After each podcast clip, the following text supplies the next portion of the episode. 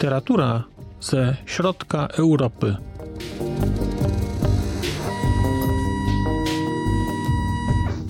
Podcast około książkowy.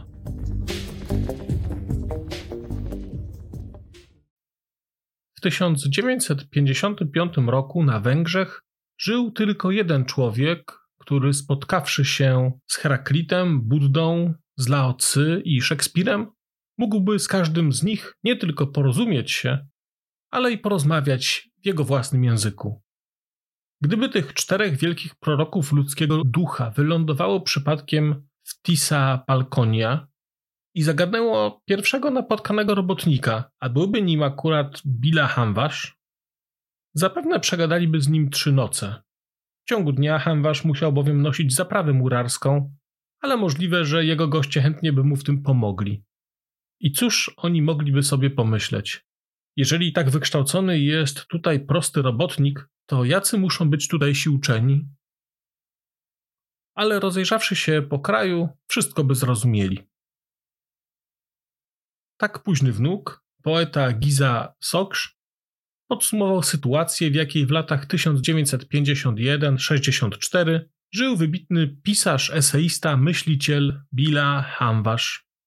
Autor, którego twórczość jest pod każdym względem odrębnym zjawiskiem w kulturze węgierskiej, który nie miał w kraju ani poprzedników, ani następców i zostawił bogatą, ale jeszcze nie do końca poznaną spuściznę, na którą jako na mistrza powołują się niemal wszyscy współcześni pisarze węgierscy, wyrzucony z pracy, objęty zakazem publikacji, mógł się zatrudnić jedynie jako pracownik fizyczny na wielkich budowach socjalistycznych.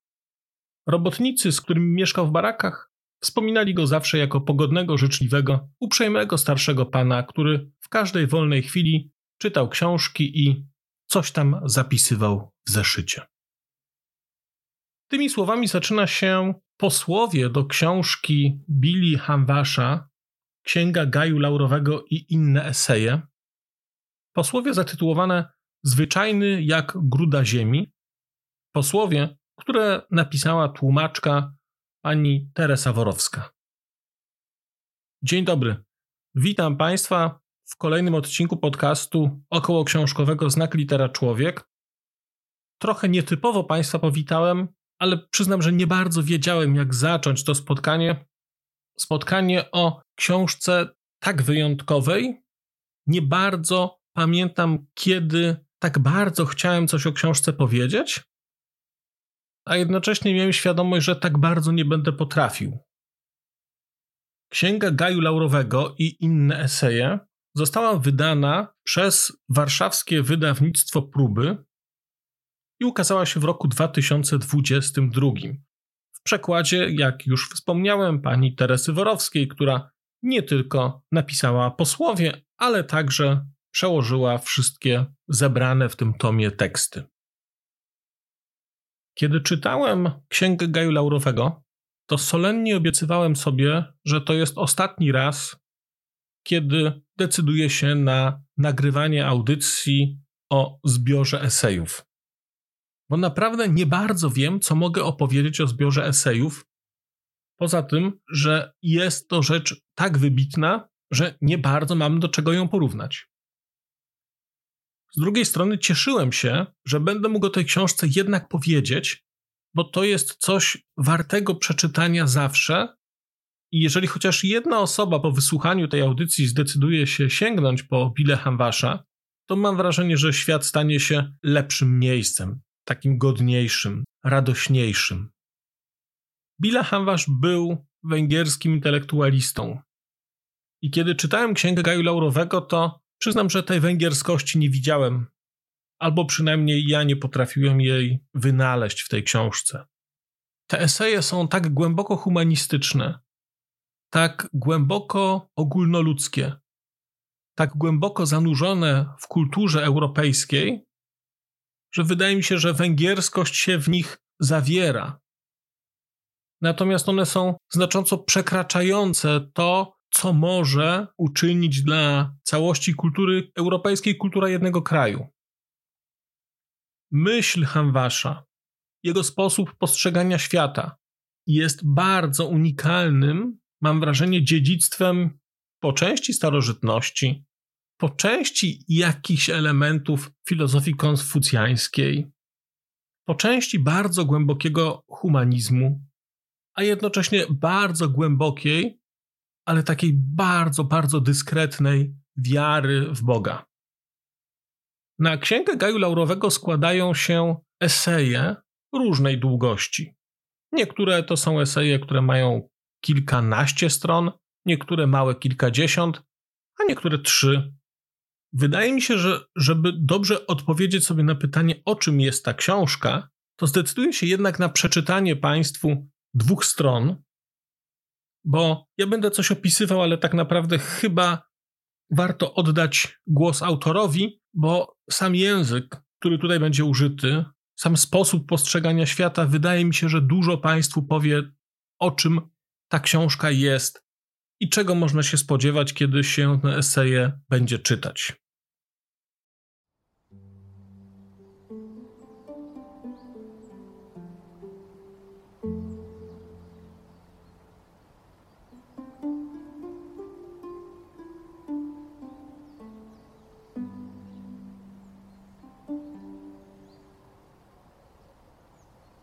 Księga Gaju Laurowego.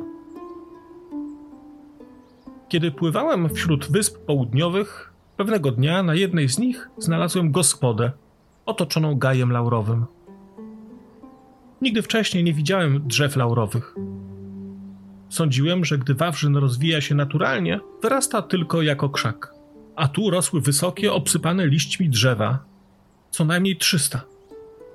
Zanurzony w głębokim zielonym cieniu, wdychałem ich korzenny zapach podczas obiadu i kolacji.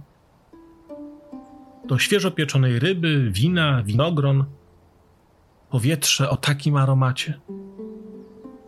Kto poświęci tydzień na pobyt w podobnej okolicy, nie pożałuje. Zacząłem przychodzić na posiłki wcześniej, by móc posiedzieć otoczony tym zapachem. Z ogródka gospody widziałem morze i niewielki port, w którym krzątali się robotnicy, rybacy i przekupki sprzedające figi. Dalej w zatoce niewielkie wysepki porośnięte cyprysami, na jednej z nich klasztor. Siedziałem bezczynnie w cieniu. Morze iskrzyło się w promieniach słońca, jaśniała biel skał. Po obiedzie piłem kawę po turecku, po czym wyciągnąłem się na leżaku. Kładłem nogi na krześle i rozkoszowałem się mocnym, wonnym tytoniem. Czasami zapadałem w krótką drzemkę, a gdy budziłem się z niej, znów przyglądałem się okolicy. Byłem senny, ale piękno, które mnie otaczało, nie pozwalało zasnąć. Nie umiałem wybrać między snem a jawą. Światło południa, wiejące od morza miękki wiatr, korzenne powietrze wydawały mi się snem. Snem prawdziwszym od tych, które śniłem. Nagle pomyślałem, że nie mam przy sobie żadnej książki, takiej, którą chętnie bym teraz czytał. Ta myśl narastała we mnie powoli, tak jak powoli rozwiewał się dym w zielonym cieniu, bez pośpiechu i pogodnie. Co ja tu ze sobą przywiozłem? Księgę wędrowca, dziennik pokładowy, księgę zmierzchu ale nie mam ani jednej księgi gaju laurowego. Zastanowiłem się, jaka by ona była, gdybym ją przywiózł. Chińska? Francuska? Grecka? Angielska? Postanowiłem wówczas, że na podobne okazje, nie dla innych, tylko dla siebie samego, albo może nie dla siebie, tylko właśnie dla innych, kiedyś, gdy czas i muzy na to pozwolą, napiszę książkę specjalnie dla takiego miejsca. Książkę, którą będzie można odłożyć w chwili, gdy się na stole pojawi zupa, a potem, zanim przyniosą rybę, znowu przeczytać 50 lub 100 linijek między dwoma łykami wina i po kawie. Dwie kartki przed kolacją. Książkę, która się nie obrazi, gdy człowiek podniesie z nad niej wzrok, by spojrzeć na morze i zapatrzeć się tam na coś, o czym za chwilę zapomni. Książkę, którą można zgubić i podarować. W pokoju, w domu czy w bibliotece nie będzie przyciągać naszej uwagi. Nawet nie warto jej tam czytać. Daje przyjemność jedynie w korzennym zapachu drzew laurowych. Najlepiej po kawie, kiedy człowiek spoczywa na leżaku, zaciąga się wonnym papierosem, przeczyta półtorej strony i zapada w słodką drzemkę, podczas której mewy kołują nad błękitem wody.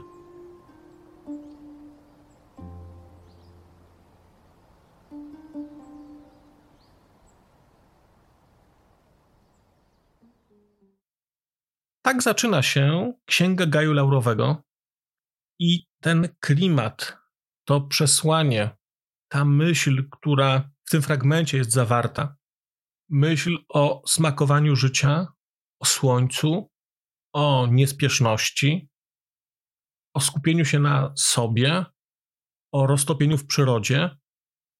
Te wszystkie rzeczy są na tych kolejnych 240 stronach obecne w każdym akapicie. I robi ta książka ogromne wrażenie. Robi ta książka ogromne wrażenie, nawet czytana wiosną.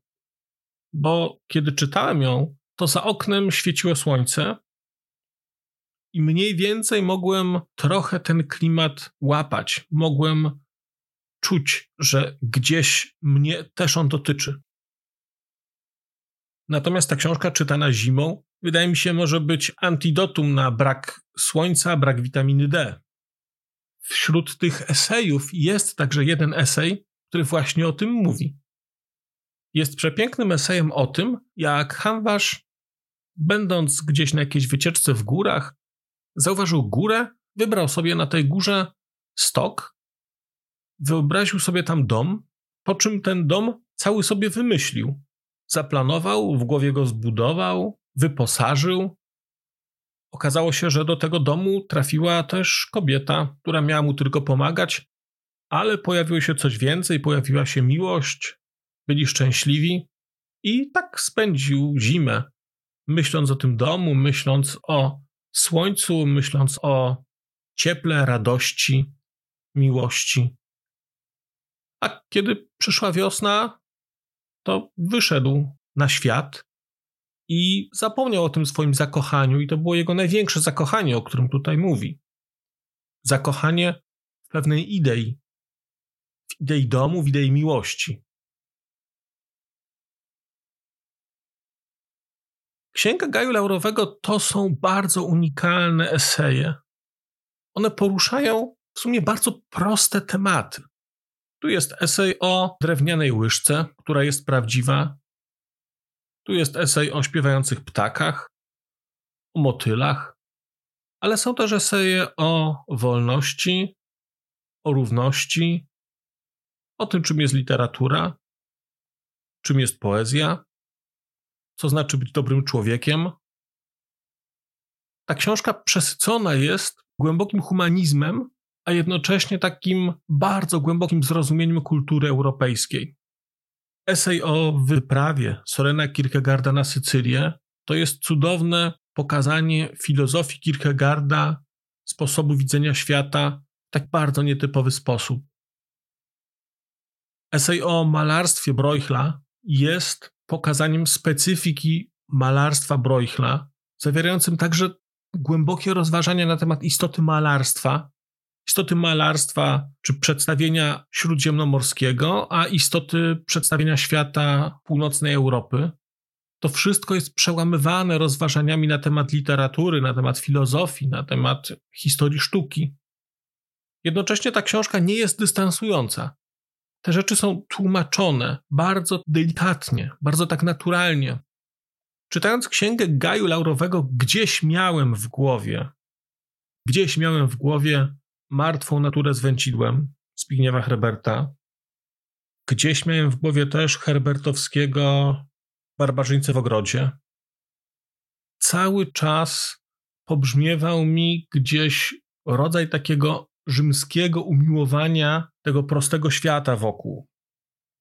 Coś, co w małym fragmencie można zobaczyć w takim odcinku serialu Rzym. Ja fragment zamieszczę Państwu w opisie odcinka. To jest scena śmierci Cycerona, kiedy przychodzi do niego Titus Pulo i ma go zabić i Cyceron o tym wie. I oni odnoszą się do siebie z takim ogromnym szacunkiem. I w tej chwili, tuż przed śmiercią, bo Pulo przyjechał zabić Cycerona, pyta go, czy może z jego ogrodu zerwać brzoskwinie. Ta scena jest nacechowana takim ogromnym szacunkiem. Pullo pyta Cycerona, a Cyceron w którymś momencie też doznaje jakiejś takiej bardzo głębokiej odwagi i patrzy na ten świat. Tam jest taka scena z takim latającym ptakiem, słońcem, chmurami. I on akceptuje to wszystko. I mniej więcej o tym jest ta książka. O akceptacji świata, o cieszeniu się bardzo prostymi rzeczami. Biorąc pod uwagę, że ona napisana została w komunistycznych Węgrzech, to jest to niesamowite. Jest to niesamowite, że można było napisać tak pogodną książkę, tak głęboko humanistyczną książkę i nie zawrzeć w niej ani jednego zdania wyrzutu wobec społeczeństwa, ani jednego zdania wyrzutu wobec systemu politycznego, który Bile Hamwasza odsunął od aktywnego życia intelektualnego. Osoba o tym intelekcie, o tej inteligencji, mogłaby napisać książkę, która byłaby ociekająca resentymentem. Tutaj niczego takiego nie ma. Ta książka, mamy wrażenie, jest opowieścią o życiu człowieka szczęśliwego, człowieka spełnionego. I ewidentnie Billa Hamwasz taki był. Był dobrym człowiekiem i w tej książce widać po prostu takie umiłowanie świata, widać umiłowanie prostych rzeczy, widać umiłowanie życia. On tutaj stawia taką bardzo ciekawą tezę, zaraz na początku książki, pokazuje różnicę między takim światem skupionym na sobie, na wnętrzu, a światem politycznym. On to nazywa, on ten świat polityczny nazywa agonem.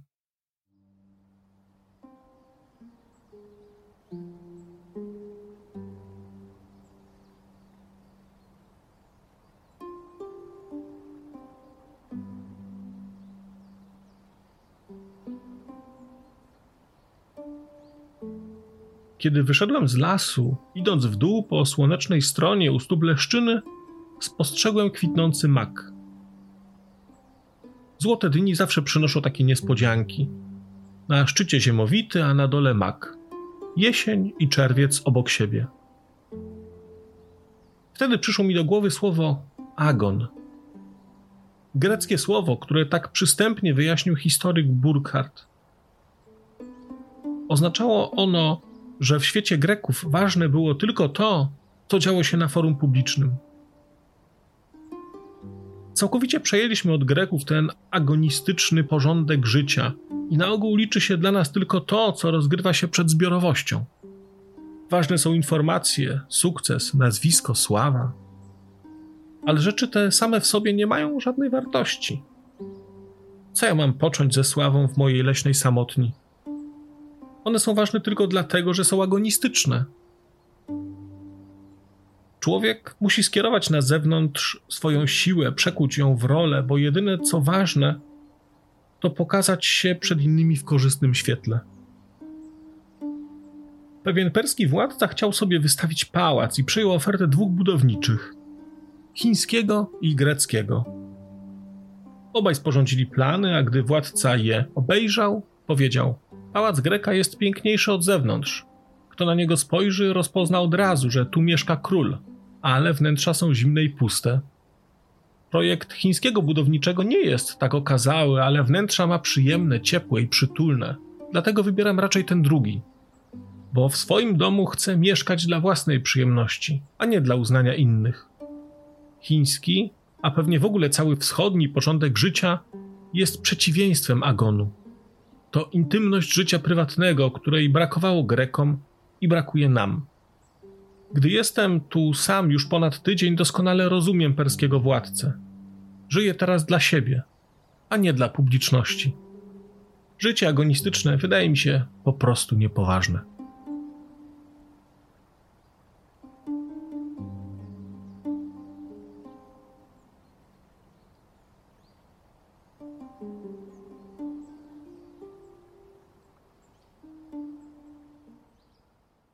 No i tak jest przez 200 parę stron. Tematy, które są poruszane, są, jak wspomniałem, tematami różnymi. Natomiast ta książka jest oazą spokoju. Jest oazą ciepła. Jest oazą takiego słońca. To jest taki grecki świat. Tu w ogóle w tym nie ma cywilizacji technicznej. To jest książka o radości życia w przyrodzie, Duża jej część to są opisy przyrody, ale one są tak dyskretne, tak minimalistyczne, a jednocześnie przez to tak szczere i piękne, że właściwie się czyta i człowiek chciałby więcej. Podkreśliłbym jeszcze na koniec formę tej książki. To jest niewielki format, który jest idealnym, podkreślę to jeszcze raz, idealnym dopasowaniem do treści forma i treść są tutaj jednakie. Ta książka jest, ma okładkę z takiego twardego kartonu, grzbiet płócienny. Całość jest koloru liści laurowych, jeżeli chodzi o okładkę. Grzbiet jest koloru takiego kaki. Do tego pięknym krojem mamy napisane imię i nazwisko autora. Co ważne, to nie jest napisane kolorem białym, to jest napisane kolorem kontrastującym. To jest bardzo, bardzo jasny zielony. Do tego mamy napis Billa Hamwasz na grzbiecie, złożony od dołu do góry, klasyczną europejską sztuką typograficzną. Całość jest w środku na takich minimalnie asymetrycznych marginesach poskładana, o nie za szerokim łamie. To jest arcydzieło. To jest arcydzieło i doceniam jeszcze fakt, że ta książka została przez próby w taki sposób wydana. Projekt okładki i skład to jest projekt pana Janusza Górskiego i wydaje mi się, wydaje mi się, że pan Janusz Górski jest także osobą, która robiła, jeżeli nadal nie robi, te rzeczy w wydawnictwie słowo obraz terytoria. To jest arcydzieło wysmakowania na poziomie tekstu, na poziomie przekładu i na poziomie formy trzymanie tej książki w ręce jest obcowaniem z prawdą. Jest obcowaniem z prawdą na poziomie także fizycznego przedmiotu. Tu nie ma lakieru UV, bo nie musi być. Tu są proste, dyskretne kolory, kolory gaju laurowego, kolory lekko spłowiałe, jak to słońce, które się tutaj pojawia. No jest to doświadczenie czytelnicze. Jest to doświadczenie czytelnicze. Polecam Państwu Bile Hamwasza, Księgę Gaju Laurowego i inne eseje bardzo. To nie jest książka, którą trzeba przeczytać od razu. Tym się można sycić. Ja myślę, że będę do tej książki wracał. Jest tutaj kilka esejów, które były dla mnie bardzo interesujące. A zakończyłbym tę opowieść króciutkim fragmentem z takiego eseju, opowiadanka o śpiewie ptaków.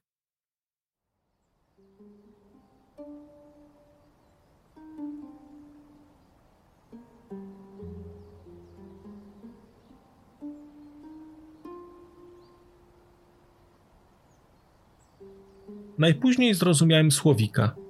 Każdego ptaka można pojąć jedynie metafizycznie, z przestrzeni, która przekracza człowieka. Stamtąd, skąd zrozumieli je Orfeusz i święty Franciszek. Ale do tego zrozumienia trzeba uczynić jeszcze jeden krok. Wiersze o słowikach Wordswortha, Shelley'a czy Keatsa nie odpowiadają rzeczywistości. Kto nie zaznał pokoju, nie zdoła pojąć słowika. Dlatego młody człowiek może go tylko podziwiać. Dopiero kiedy namiętności się wypalą, kiedy minie już wiek radości i cierpienia, Dopiero gdy człowiek nie chce już niczego od siebie i dla siebie, i pogodzony składa głowę na dłoni Boga, dopiero gdy obudzi się w nim tęsknota ostatecznego powrotu do świata wolnego od ja, wówczas może usłyszeć co i dlaczego śpiewa Słowik. W jego pieśni nie ma ani bólu, ani cierpienia. Nie ma bohaterskiej siły ani śmiechu. Nie ma radości ani triumfu. Kiedy człowiek ma życie przed sobą i już niczego nie pragnie, a jedyne co go jeszcze zajmuje to oczekiwanie ostatecznego wezwania, wówczas spędza czas na modlitwie. Ta spokojna, cicha, pełna pokoju modlitwa oczekiwania to właśnie pieśń słowika. To pieśń męczeńska, kryształowo czyste oczekiwanie śmierci i tamtego świata. Pożegnanie z przepiękną ziemią, z upojeniem, jakie przynosi słodkie życie, i prośba do niebios, by otwarły bramę. Długo słyszałem tylko to pożegnanie i nie mogłem pojąć, czemu on się żegna. Człowiek na ogół rozumie zjawisko najpierw od strony negatywnej i nie jest w stanie uświadomić sobie, czym ono jest, póki nie pozna przynależnej mu strony pozytywnej. Ale wydawało mi się to smutne i trochę nieuzasadnione. Aż pewnego popołudnia, na początku lata, blisko dni, w których ostatecznie milknie, zrozumiałem to po jednym dźwięku. Ten maleńki ptak wpraszał się na tamten świat. Nie z uczonym uzasadnieniem, jak mógłby to uczynić nawet człowiek choćby najczystszego serca. Wpraszał się jak małe dziecko na kolana matki, ale jeszcze prościej, bo szukał nie ochrony, nie szczęścia, nie radości i nie uspokojenia. To coś tak zwyczajnego, jak zwyczajny jest ptak, który śpiewa. Nie ma w tym nic pragnienia śmierci, nic zupełnie. Słowik nie wie, co to śmierć. Po życiu nie następuje śmierć, tylko tamten świat. Skąd on o tym wie? Jak dobrze by było znać Boga tak blisko i mieć taką ufność, jak ten mały ptak. Bardzo dziękuję Państwu. Do usłyszenia.